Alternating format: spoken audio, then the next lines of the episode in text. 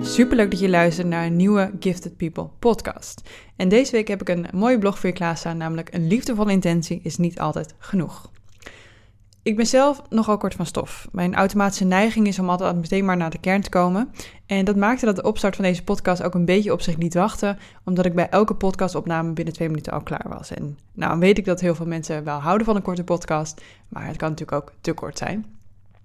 Anyway, als ik via de mail een vraag aan iemand wil stellen, dan val ik ook van nature meteen met de deur in huis. Ik weet echter door vallen en opstaan dat het niet altijd handig is om meteen met de deur in huis te vallen. Het blijkt namelijk dat niet iedereen dat zo handig vindt als dat ik dat vind. De afgelopen jaren heb ik mezelf daarom hierop getraind. Ik heb zelfs een speciaal trucje voor de mail. En het trucje werkt als volgt. Ik verander niet aan mijn automatische neiging. Dat gaat ook lastig, omdat het automatisch gaat. Maar ik verstuur de mail niet meteen. Ik voeg daarna namelijk nog even de verpakking toe. Een voorbeeld van een eerste opzet kan zijn: kun je voor donderdag de weekupdate klaarzetten? En een voorbeeld na een vriendelijke toevoeging kan zijn: Hoi, naam van de ontvanger, hoe is het met je? Ik hoop dat je een fijne verjaardag hebt gehad. Kun je voor donderdag de weekupdate klaarzetten? Dankjewel alvast. Vroeger zou ik misschien hebben gedacht dat het alleen maar zon is van mijn tijd en de tijd van de ontvanger, maar inmiddels weet ik dat het veel doet als je even een klein connectiemomentje toevoegt. In het verlengde daarvan ben ik sowieso meer gaan oefenen om liefdevol en met tact te communiceren. Niet dat ik eerst niet liefdevol communiceerde, alleen mijn liefdevol communiceren was niet altijd door anderen zo te herkennen. De liefde zat bij mij namelijk in de intentie en niet zozeer in de vorm. En dat maakte het lastig voor de ander om de intentie te kunnen herkennen.